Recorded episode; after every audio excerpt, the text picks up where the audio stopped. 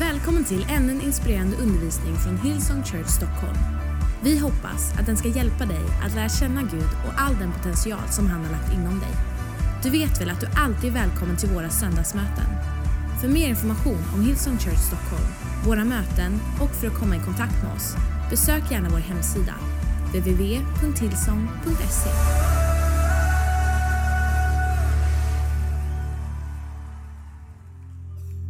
att du skulle öppna ditt ord ikväll.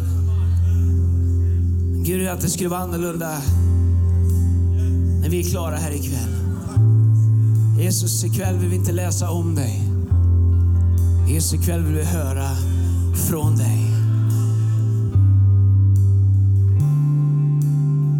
Så heligande, tack att du skapar en hunger i våra liv ikväll.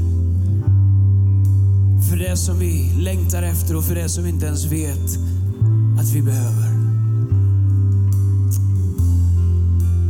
Och Gud, vi längtar så att du skulle få göra någonting i våra liv ikväll som går djupare och längre.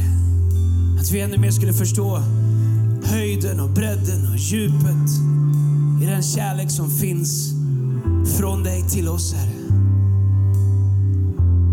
I Jesu namn. Hej, varsågod och sitt om du har en plats. Om vi bara kan behålla den atmosfären. Jag, jag tänkte jag skulle predika för jag blev så oerhört inspirerad av den här låten. Så bara sätt dig någonstans, hitta en stol. Lovsångsteamet kan få en paus. Jag kan ta en talarstol. Men jag ber att vi alltid ska vara en kyrka som... eh, tack så hemskt mycket. En kyrka som eh, vill följa den helige Ande. Vi har eh, program och planeringar och alla möjliga saker, men jag vill att vi alltid ska vara känsliga för vad den helige Ande vill göra. Så jag upplever att jag ska predika nu, så du gör det. Well, det är också the perks of being the pastor, I guess. Jag predikade förra söndagen eh, klockan 17 på Cirkus här bakom. Eh, jag höll på att säga var nästa lokal, vem vet? Predikan predikan som heter Ingenting är förlorat, inget är förlorat. Och idag så ska jag predika Inget är förlorat del 2. Jag ska predika egentligen allt det som jag aldrig hann till um, i, i förra veckan. Och det kan hända att jag inte hinner till det nu heller och då har predikan klar till nästa vecka. Vem vet, vi kanske håller på med det här fram till sommaren, vem vet. Men jag har verkligen någonting som Gud har lagt mitt hjärta som jag har burit med mig och eh, som jag har velat predika länge. Och, om jag skulle sammanfatta ni vet, eh, filmer har en theme song, all right? Eller hur? Ni vet, det finns en theme song. Om jag säger, eh, eh, om jag, om jag säger en sång så vet ni vilken film det är. Eh, jag måste bara tänka lite nyare film här. Listen to your heart. Vem vet? Va? Robin Hood är det ju inte. Nej men kom igen Tor. Listen to your heart. Robin Hood är Well it's all for one. Va? Tre musketörerna. Everyth- everything I do, I'll do it for you. Vi är dåliga på filmer. Jag antar att ni läser Bibeln allihopa. I am the one who can fight for your glory. Karate Kid. Har ni inte sett Karate Kid? Och hem och se Karate Kid allihopa. Det är läxa till nästa vecka. Finns på Netflix. Vi skulle egentligen köra lite Barry White-låtar när jag ändå har en förkylning. Om jag skulle säga vad som är themesången till det som är, jag tror är min kallelse att predika så skulle jag kunna sammanfatta det i titeln Ingenting är förlorat. Min dröm är att, att Gud kanske skulle använda mig under mitt liv för att hjälpa människor att förstå att jag aldrig är förlorad med Gud. Att ingenting någonsin är förlorat. Att det alltid finns en väg tillbaks till Gud. Jag tröttnar aldrig på att predika om det. Och förra veckan så talade vi lite grann om, om Mose. Om jag bara sätter, får ta en minut och sätta upp lite förra veckan för alla er som var så proppmätta på påskägg att ni aldrig kom till cirkus. Alla var där. Vi talar om vad gör du när din situation inte matchar det som du hade hoppats på. När det inte gick som du hade trott. Vi talar om Moses som gick från att vara övergiven till att vara prins i det mäktigaste landet. Till att eh, bara på ett ögonblick bli en brottsling på flykt ifrån det som var hans verklighet. Långt ut i öknen i ensamhet. Han gick ifrån eh, att ha goda avsikter som lämnade honom med ett kraschat liv långt ut i öknen. Och vi talar om att de flesta av oss kommer förmodligen på ett eller annat sätt någon gång i livet få uppleva hur liksom det känns som saker och ting vänds upp och ner. Pastor Brian han predikade fantastiskt eh, 11.00 förra söndagen om hur Jesus kom för att turn things right, right side up. Om hur den här världen vänder saker upside down. Men hur Jesus kom för att turn things right side up. Det är det som är hemligheten med evangelium. Att Jesus kom inte för att förklara för oss hur fel det är. För vi behöver ingen åklagare, för vi är våra största egna åklagare. Men Jesus kom för att ställa saker till rätta, hjälpa oss att turn things right side up, inte upside down. Och Mose han upplever hur Mose han upplever hur saker och ting går ifrån att vara bra till att bli värdelöst. Men hur Gud visar dem att ingenting är förlorat och de flesta av oss kommer kanske någon gång på något av livets områden få upp, upp, uppleva hur saker och ting vänds upp och ner.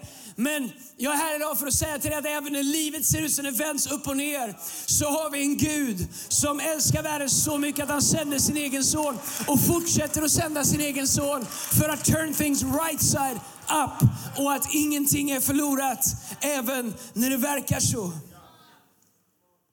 Jag talade, jag hade fem punkter, jag kommer till den första. Vi talar om att leva i sin position, inte i sin situation. Jag tänkte plocka upp det här fast i en annan bibeltext om du har bibeln med dig.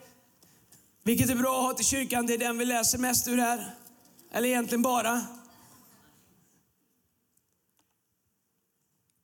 Vi brukar säga att det finns Två anledningar att inte ha en bibel med sig till kyrkan. Det ena är att du inte har en bibel. Om du är här idag som inte har en bibel kan du komma till mig eller någon du känner igen och säga Hej Andreas har lovat att jag ska få en bibel. Så får du en bibel av oss gratis idag. Andra anledningen att inte ha med sig Bibeln är att man kan hela Bibeln utan till och inte behöver slå upp det. Det är fascinerande. De säger att vi är en ungdomskyrka och att vi inte alltid är så helgade. Men jag är fascinerad över bibelkunskapen i vår kyrka. Den är helt outstanding. Men även om ni kan hela Bibeln, så låt mig ändå läsa min bibel. Jag som har med den, för jag kan minsann inte. Jag letade efter domarboken. Jag frågade Johan, min assistent, om han har flyttat på domarboken, för jag hittade den inte när jag letade efter den. Men sen var den där. Vi pratar om att leva i sin position, inte sin situation. Domarboken kapitel 6, vers eh, 11. Gud kommer till en man som heter Gideon. Och jag har tagit fel bibel, så jag ska hålla nära. Jag har en bibel med stora bokstäver i också. Herrens ängel kom och uh, satte sig under terebinen vid off, Offra, inte Offra Hasa, det vet inte vad det är, Offra, som tillhörde Abies, Abiesriten Joas.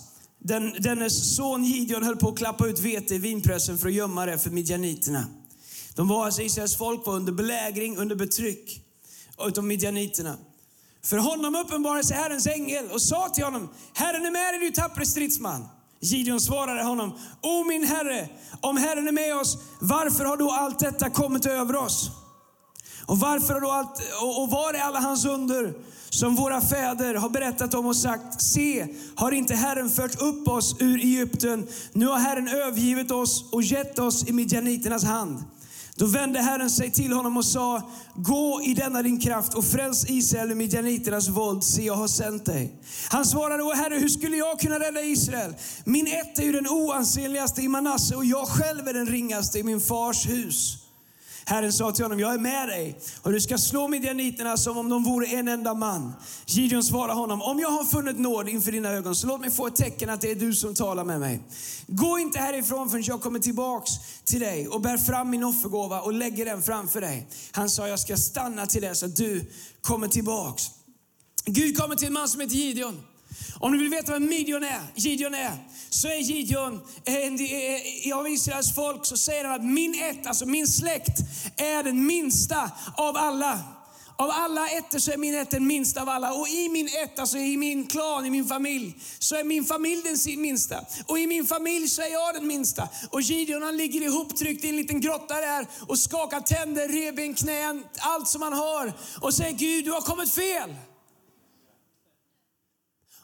Och Gideon, han håller upp till Gud sin situation. När Gud kommer och talar till honom om hans position. Gud kommer till Gideon och säger, Herren är med dig du tappre stridsman. Gud talar till Gideon utifrån den position som Gideon har inför Gud. Gideon han är som oss, han lever i sin, i sin verklighet. En del frågar mig, Andreas, är ni en sån här troskyrka? Håller ni på med sån här trospredikan, trosförkunnelse? Och jag säger, finns det någon annan?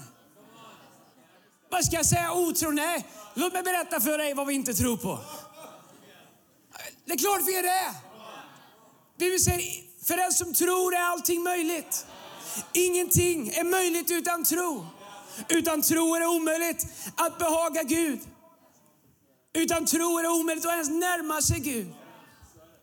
Men Gideon han har mer tro till sin situation än tro till sin position.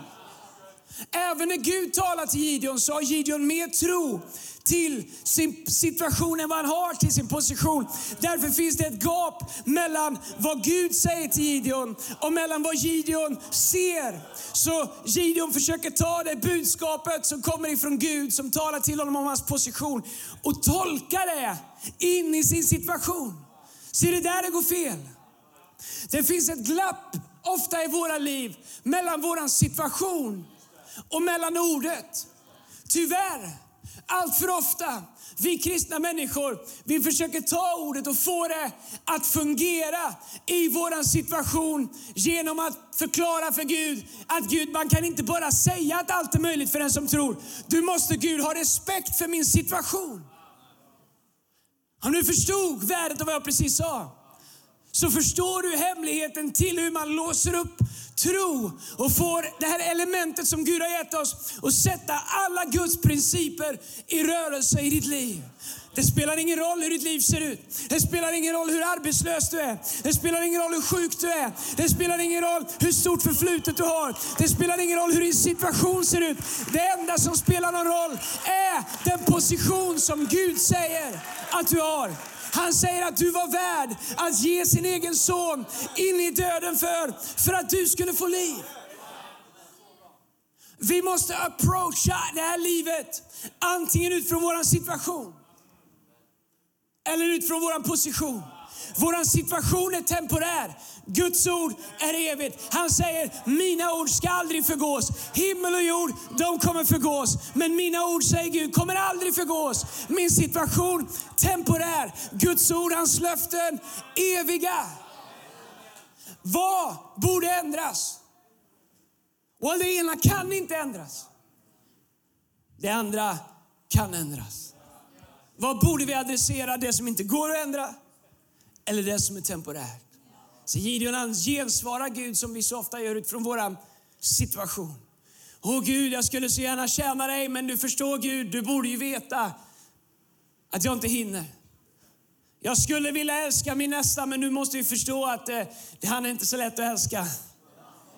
Jag skulle vilja förlåta dem i mitt förflutna som har gjort mig illa, men Gud, du, du måste ju förstå hur sårad jag är utifrån det. Kan jag få föreslå för dig att Jesus vet hur det är att vara sårad. Hur det är att vara övergiven. Hur det är att vara, när till och med hans egen far, när det känns som himmelen själv vänder bort ansiktet ifrån honom.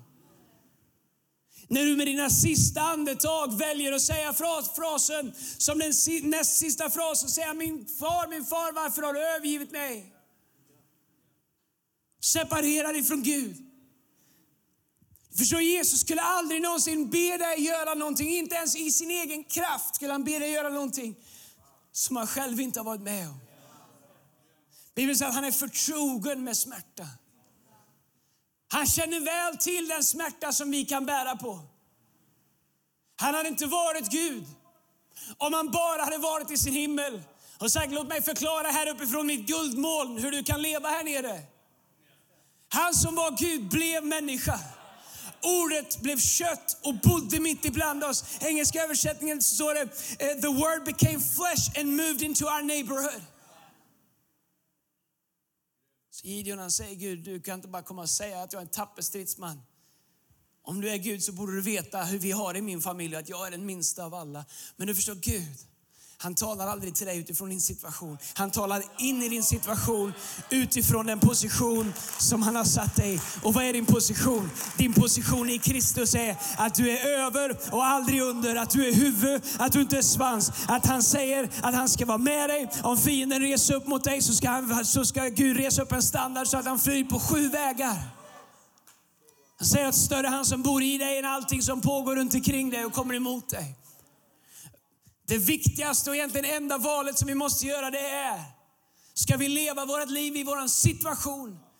Eller ska vi bejaka det faktum att Gud har gett oss en position i Kristus, Jesus.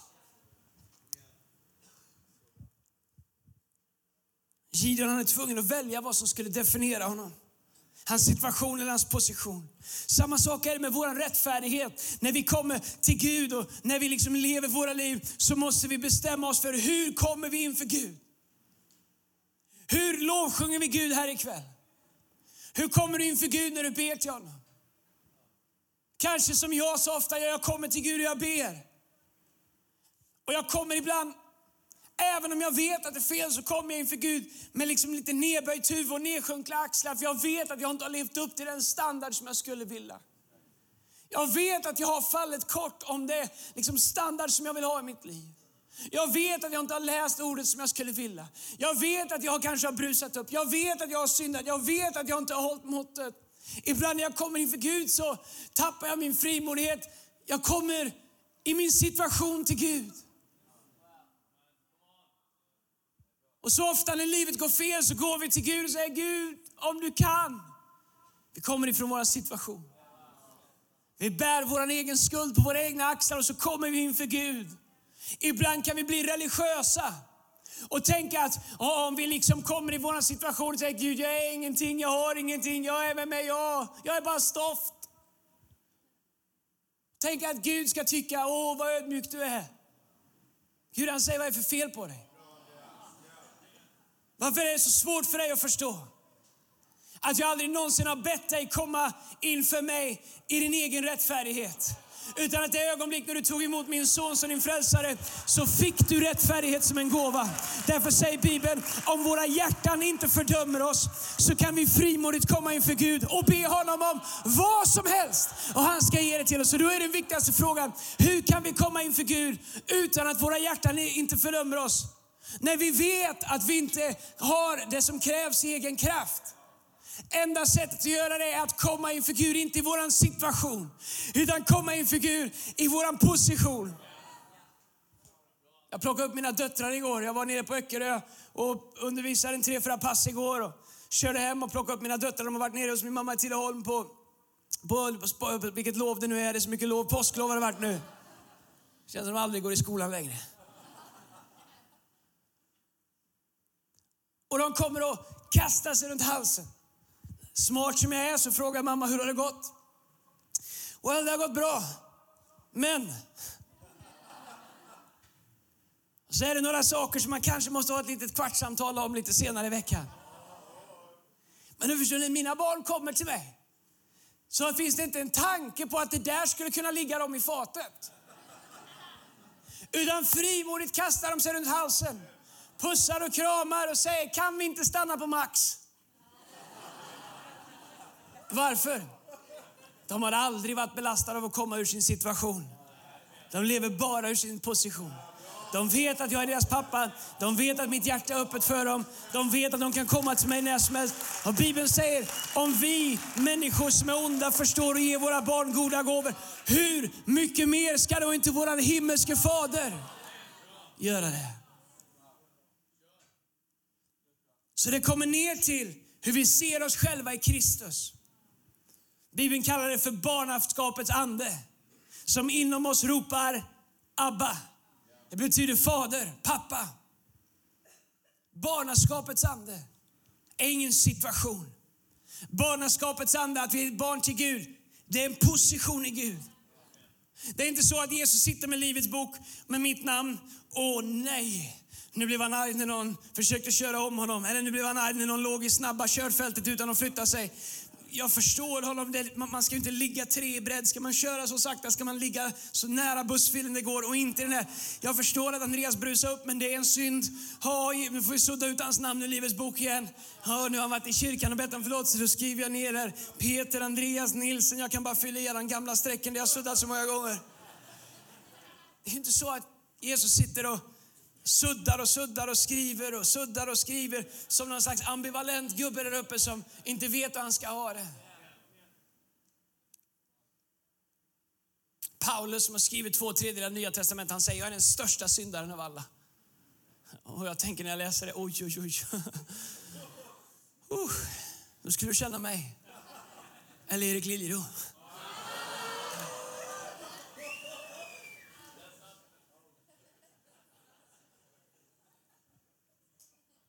Du förstår, Gideon han responderar till Guds kallelse utifrån sin jag skulle behöva ha lite mer monitor. Han, han, han responderar till, sin, till Guds kallelse utifrån sin situation. Han säger Jesus, du kan, Gud du kan inte använda mig till att, till att sätta Israel fria. Han tittar på sina biceps och inser att han inte gjort chins så länge han lever och kan knappt lyfta ett svärd. Men du förstår, när Gud kommer till oss och kallar oss så ser han förbi det som vi gör. Första Samuelsboken kapitel 16, vers 7 säger människor ser på det som är på utsidan, men Gud ser till hjärtat. Vi bedömer varandra utifrån våra situationer. Gud han går förbi det och går till vårt hjärta. Och han säger att jag ser förbi det som du säger är brist och ser till den position som jag har satt dig i, i Kristus Jesus. Så när du kommer inför Jesus, vet att du kan komma inför honom i din värsta stund. Om han är din frälsare så kan du komma i din position. Du kan frimodigt gå inför tronen. Och veta att du har sonen själv som manar gott för dig. Och vi sjöng, jag sa på förra mötet att det var ett av de mäktigaste ögonblicken påskhelgen var när vi var i, eh, på, på fredagskvällen och vi firade nattvard tillsammans. Och hela kyrkan sjöng den här gamla sången som jag älskar, O oh, det dyra Jesu blod. Och jag sa, jag tycker det var så underbart för att vi vi är en modern kyrka, det ryker och blinkar och trycker och pyser. Det är som en hel Baltasar-maskin här inne, jag vet inte vad det är, men det det är här inne. Och vi använder alla verktyg som finns och medel som finns för att kunna kommunicera det bästa budskapet. Vi tycker att det viktigaste budskapet behöver ha den bästa förpackningen. Men vi är inte så, vi är liksom en så cool kyrka att vi har glömt bort att utan det dyra Jesu blodet så har vi ingenting. Vi, vi kan sjunga om det, vi kan bekänna det och vi kan leva i det. Och Faktum är att när Jesus bar fram sitt blod till Fadern så var det för betalning för all våran synd. Den vi hade gjort och den vi kommer att göra. Och när vi lever i den förlåtelsen så är vi förlåtna. Han tog våran synd och han gav oss sin rättfärdighet. Så det som händer är att när Fadern i himmelen ser oss när vi kommer inför tronen så är det som att det är ett filter alla ni Instagram-junkies som alltid ser solbrända ut först. Det är den 30 januari, ni har inte sett sol på hela året men ni ser knallbruna ut som har lagt på ett filter. På samma sätt är det med Fadern när han ser dig. Han ser genom ett blodsfilter. Filtret av hans sons blod filtrerar bort alla vår, all vår synd, all vår, alla våra fel, all vår ovärdighet, all vår mänsklighet, allt vårt tillkortakommande. Så allt han ser är en Guds son och en Guds dotter i sin position.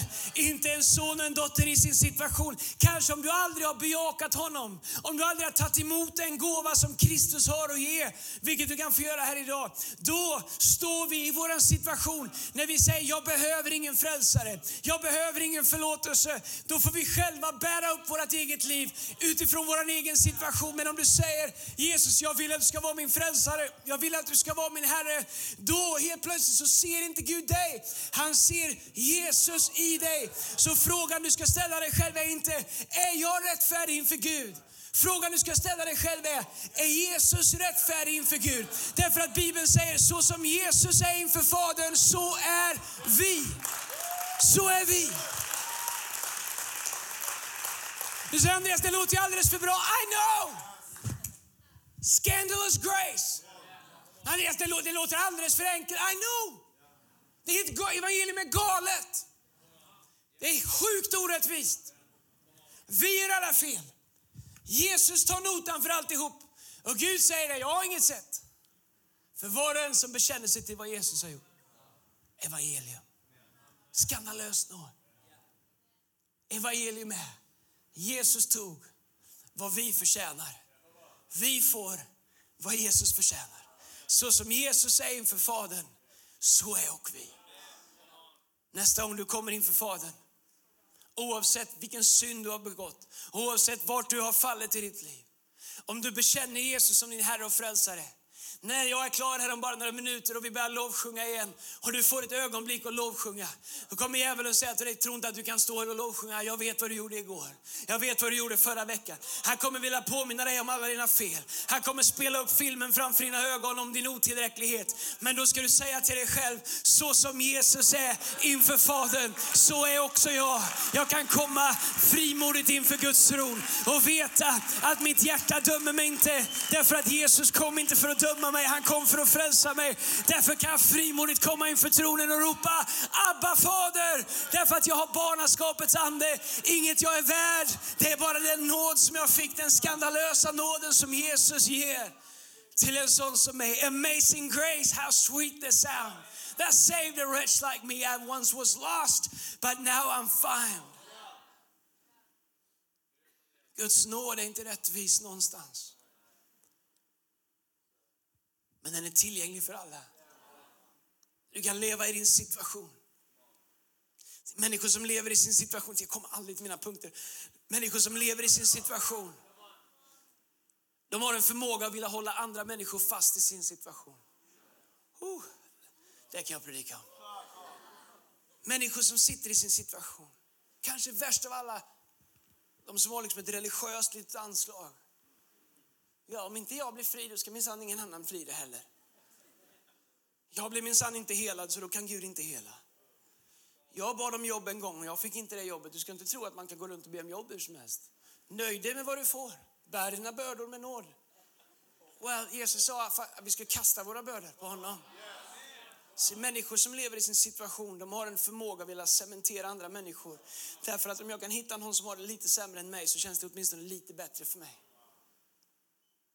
Människor som upplevt hans nåd och upplevt hur de blir satta fria från sin situation, inlyfta i sin position inför Fadern. Vet du vad de gör?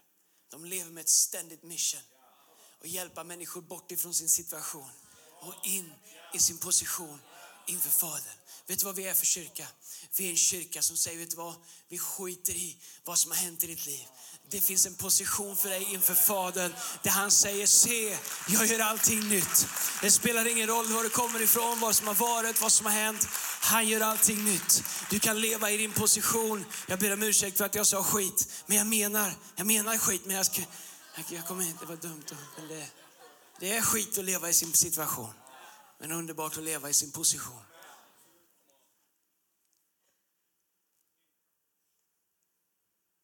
Faktum är att vår situation kan verka död. I, i vår situation kan allt verka dött. Men i vår position så finns det liv i Kristus. Så ibland så är det så att, försök hänga med på det här. När vi behöver någonting så vill vi att Gud ska förändra problemet. Här är jag i min situation, här finns ett problem. Jag vi säger Gud, flytta på det här problemet. Flytta på det här berget. Flytta på den här utmaningen.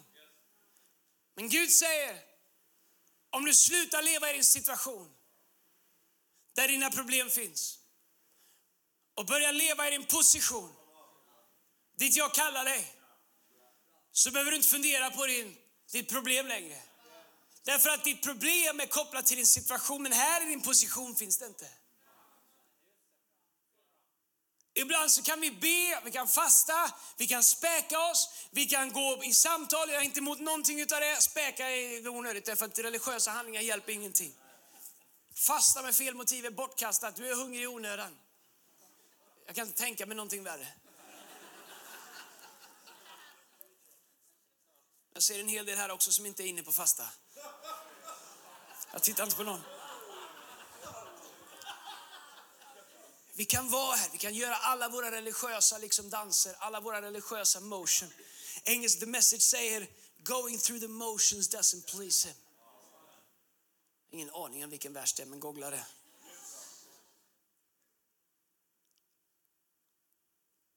Gud flyttar på det här berget. Gud, nu har jag fastnat i en vecka, flytta på det här berget. Gud nu har jag varit med i team varje söndag i 777 söndagar i rad. Flytta på det här berget. Gud nu har jag ökat mitt tionde till femtonde, till tjugonde. Gud flytta på det här berget. Gud säger jag kommer inte flytta på det här berget. Det finns ingen anledning att flytta på det här berget. Gud säger jag försöker flytta på dig. Medan jag försöker flytta på berget försöker Gud flytta på mig. Men jag står emot Gud och så brottas jag med berget. Min morfar sa alltid brottas inte med sten, du blir bara svettig och det kommer aldrig att gå. Jag hade en annan kompis som sa, ta inte skit när den är varm, den fäster bara, vänta tills det är kallt. Då är det enkelt att flytta på det. Wisdom from the countryside. Har man vuxit upp bland komockor så är det viktigt att veta. Gud flytta på mitt berg. Nej, säger Gud, jag försöker flytta på dig. Nej, det vill jag inte, säger du. Gud flytta på mitt berg. Jag fastar mer, jag ber mer, jag tjänar mer. Jag skriver mer religiösa floskler på Facebook. Jag skickar styrkekramar till alla jag känner. Och Gud säger flytta på mitt berg. Gud säger jag vill inte flytta på ditt berg, jag vill flytta på dig.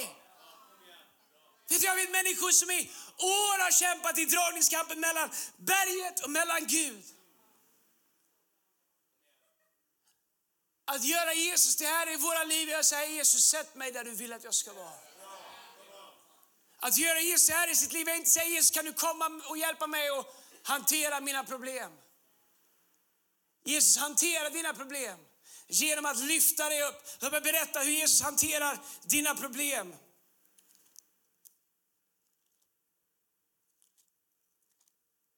Se om Johan har flyttat på Jesaja också.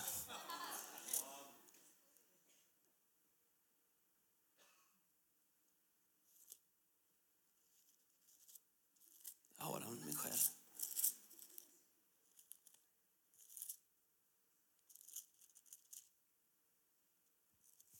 Saltaren kapitel 40. Jag hittar inte så här. Nej, jag, jag skämtar. Hur flyttar Gud på våra berg? Vad är min keyboard? Vi måste få lite spirit här på slutet.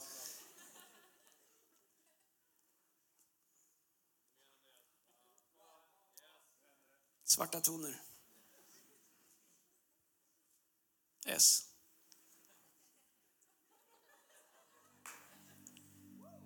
S. Nio. Ah. I feeling. Det enda som hade varit bättre hade varit en hammarnorgel.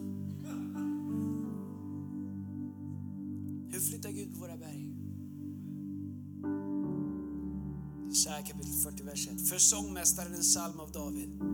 Jag väntade ivrigt på Herren. Han böjde sig till mig och hörde mitt rop. Han drog mig upp ur fördärvets grop, ur den djupa dyn. Han ställde mina fötter på en klippa och gjorde mina steg fasta. Han la, en ny, han la i min mun en ny sång, en lovsång till vår Gud. Många ska se det och frukta det och de ska förtrösta på Herren. Salig är den man som sätter sin förtröstan till Herren och inte vänder sig till de stolta, som viker av till lögngudar. David han skriver, han böjde sig ner till min situation. Han gjorde ingenting med min situation. Men han lyfte mig upp ur den djupa dyn som min situation hade ställt till med. Så ställde han mina fötter på en klippa. Jag vet inte om du känner någon som kallas för klippan. Jag känner den, han heter Jesus. Så gjorde han mina steg fasta. Vart gjorde han mina steg fasta? Vart ställde han mig? Vart la han en ny sång i min mun? I den djupa dyn. Så religion vill få oss tro, well, det går bra här i djupa dyn. Vi sjung, jag sjunger min lovsång i den djupa dyn. Nobody knows the sorrows I have. Jesus säger, jag vet inte hur du ska vara i din djupa dyn. Du är en bättre kristen för att du är i din djupa dyn. Bara för att det är synd om dig nu som kristen så är du inte bättre inför Gud. Gud säger, jag har inte skapat dig för att du ska leva kvar i dyn. Det finns ingen kraft för oss i dyn. Det finns bara en kraft för oss att lyftas ur dyn. Men då måste vi våga släppa taget om dyn. En del av oss, vi har boat in oss så mycket i dyn. Vi har byggt boer, vi har liksom skapat ett hus, vi har skapat ett hem där. Vi har skapat ett eget språk, vi har skrivit sånger om dyn. Vi lever i dyn, vi har gjort en teologi om dyn. Allt vi vet är dyn. Och vi säger, Gud det är inte så roligt att vara den här dyn, men det är det enda jag har, så det är det här jag vill ha. Det som är mitt problem är nu också min trygghet. Det som är min utmaning har nu blivit min identitet. Och Gud, ta inte bort det, för då vet jag inte vem jag är. Och våga inte utmana den här identiteten som jag har skapat i dyn. Men Gud säger, jag har ingenting jag kan göra i dyn, för jag håller inte på med dyn. Men om du vill lyfta upp din hand så är jag beredd att ta din hand och lyfta dig upp ur dyn och sätta dina fötter på en klippa. Det, mina damer och herrar, är det nya livet i Kristus. Och det är det som Jesus kom för att ge oss. Din kärlek täcker allt. Den växer inom mig. För evigt är jag funnen i dig Gud. Jag hade vandrat långt, men nu så är jag här. Tror jag att det var. Här är vi i alla fall.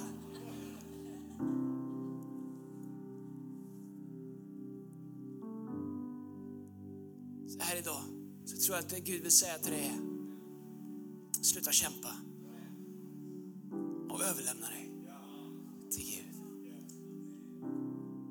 Sluta kämpa. Du som är kristen, du som kämpar med ett kristet liv, sluta kämpa Sluta, försöka, sluta försöka forcera det här kristna livet. Sluta försöka övertala Jesus. Böna och be Jesus att komma och vara med dig i dyn. Jag förstår att det låter hårt om du rycker ur kontext. Men du behöver bara be honom en gång om att lyfta dig upp. Och innan du har sagt klart meningen så har han fattat din hand och är beredd att lyfta dig upp ur den djupa dyn. Om du så har varit ur den djupa dyn men på något sätt tagit dig tillbaks till den. Så lyft, den upp, lyft upp din hand igen och känn hur han lyfter upp igen. Jona, jag ska predika honom om någon, några veckor här. Fascinerad av Jona. Han har läst om Jona mycket det sista. Han får ett ord ifrån Gud. Han gör helt tvärtom, han sticker därifrån. Så står det så här att Herrens ord kom till Jona för andra gången. Jag älskar det med Gud. Vet du, Herren kan komma till dig för andra gången. Han kan komma till dig för tredje gången, fjärde gången, femte gången. Han säger, jag ska aldrig lämna dig, jag ska aldrig överge dig. Ingenting kan skilja dig från min kärlek, inget kan rycka dig ur min hand. Varje gång du säger hans namn så händer det här. Varje gång du bestämmer dig för att närma dig honom i din position så har du fullt access till Fadern och allt vad Fader är. I Jesu namn. Så här ikväll är inte frågan, är vi bra kristna? Är vi rättfärdiga? Den enda frågan som är viktig här ikväll, eller de enda två frågorna som är viktiga här ikväll är, är Jesus, har han det rätt ställt inför Fadern? Och den andra frågan som vi behöver ställa oss är, är Jesus Herre i mitt liv? Jag till och med tro på allt det här, men ändå inte har gjort Jesus till Herre i ditt liv och inget fungerar.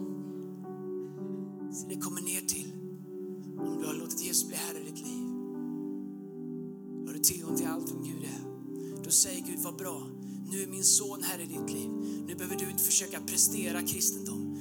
Nu kan du få uppleva hur min son börjar leva inne i dig och hans liv börjar jobba sig inifrån och ut. Och helt plötsligt upptäcker du, wow, jag är annorlunda. Hur gick det till? Jag har ju inte ens kämpat. Hur, hur, varför, nu, hur, hur blev det så här? Det som jag kämpar med i år börjar gå av sig själv. Vet du varför? Därför att vi kan inte skapa det nya livet inom oss. Bara han som är det nya livet, om han får tillåtelse att leva det i oss, kan börja leva inom oss och helt plötsligt så blir vi det vi vill vara. Inte för att vi försöker skapa det, men för att vi låter han som är det livet leva i oss och genom oss. I Efesierbrevet kapitel 1, vers 11 i The Message säger It's in Christ we find out who we are and what we're living for.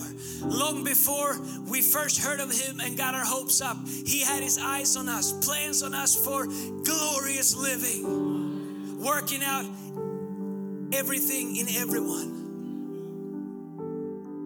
It's in Christ we find out who we are. Ska vi stå upp tillsammans? Lovsångsteamet kan komma fram.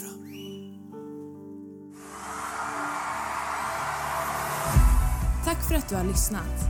Om du vill veta mer om Hillsong och mer om vem Gud är, kontakta oss gärna. Eller gå in på www.hillsong.se. Och kom ihåg, du är alltid välkommen till våra gudstjänster. Om du vill ha mer information och uppdateringar av pastor Andreas Nilsen, Följ honom på Twitter, Instagram och Facebook där hans användarnamn är Andreas Nilsen.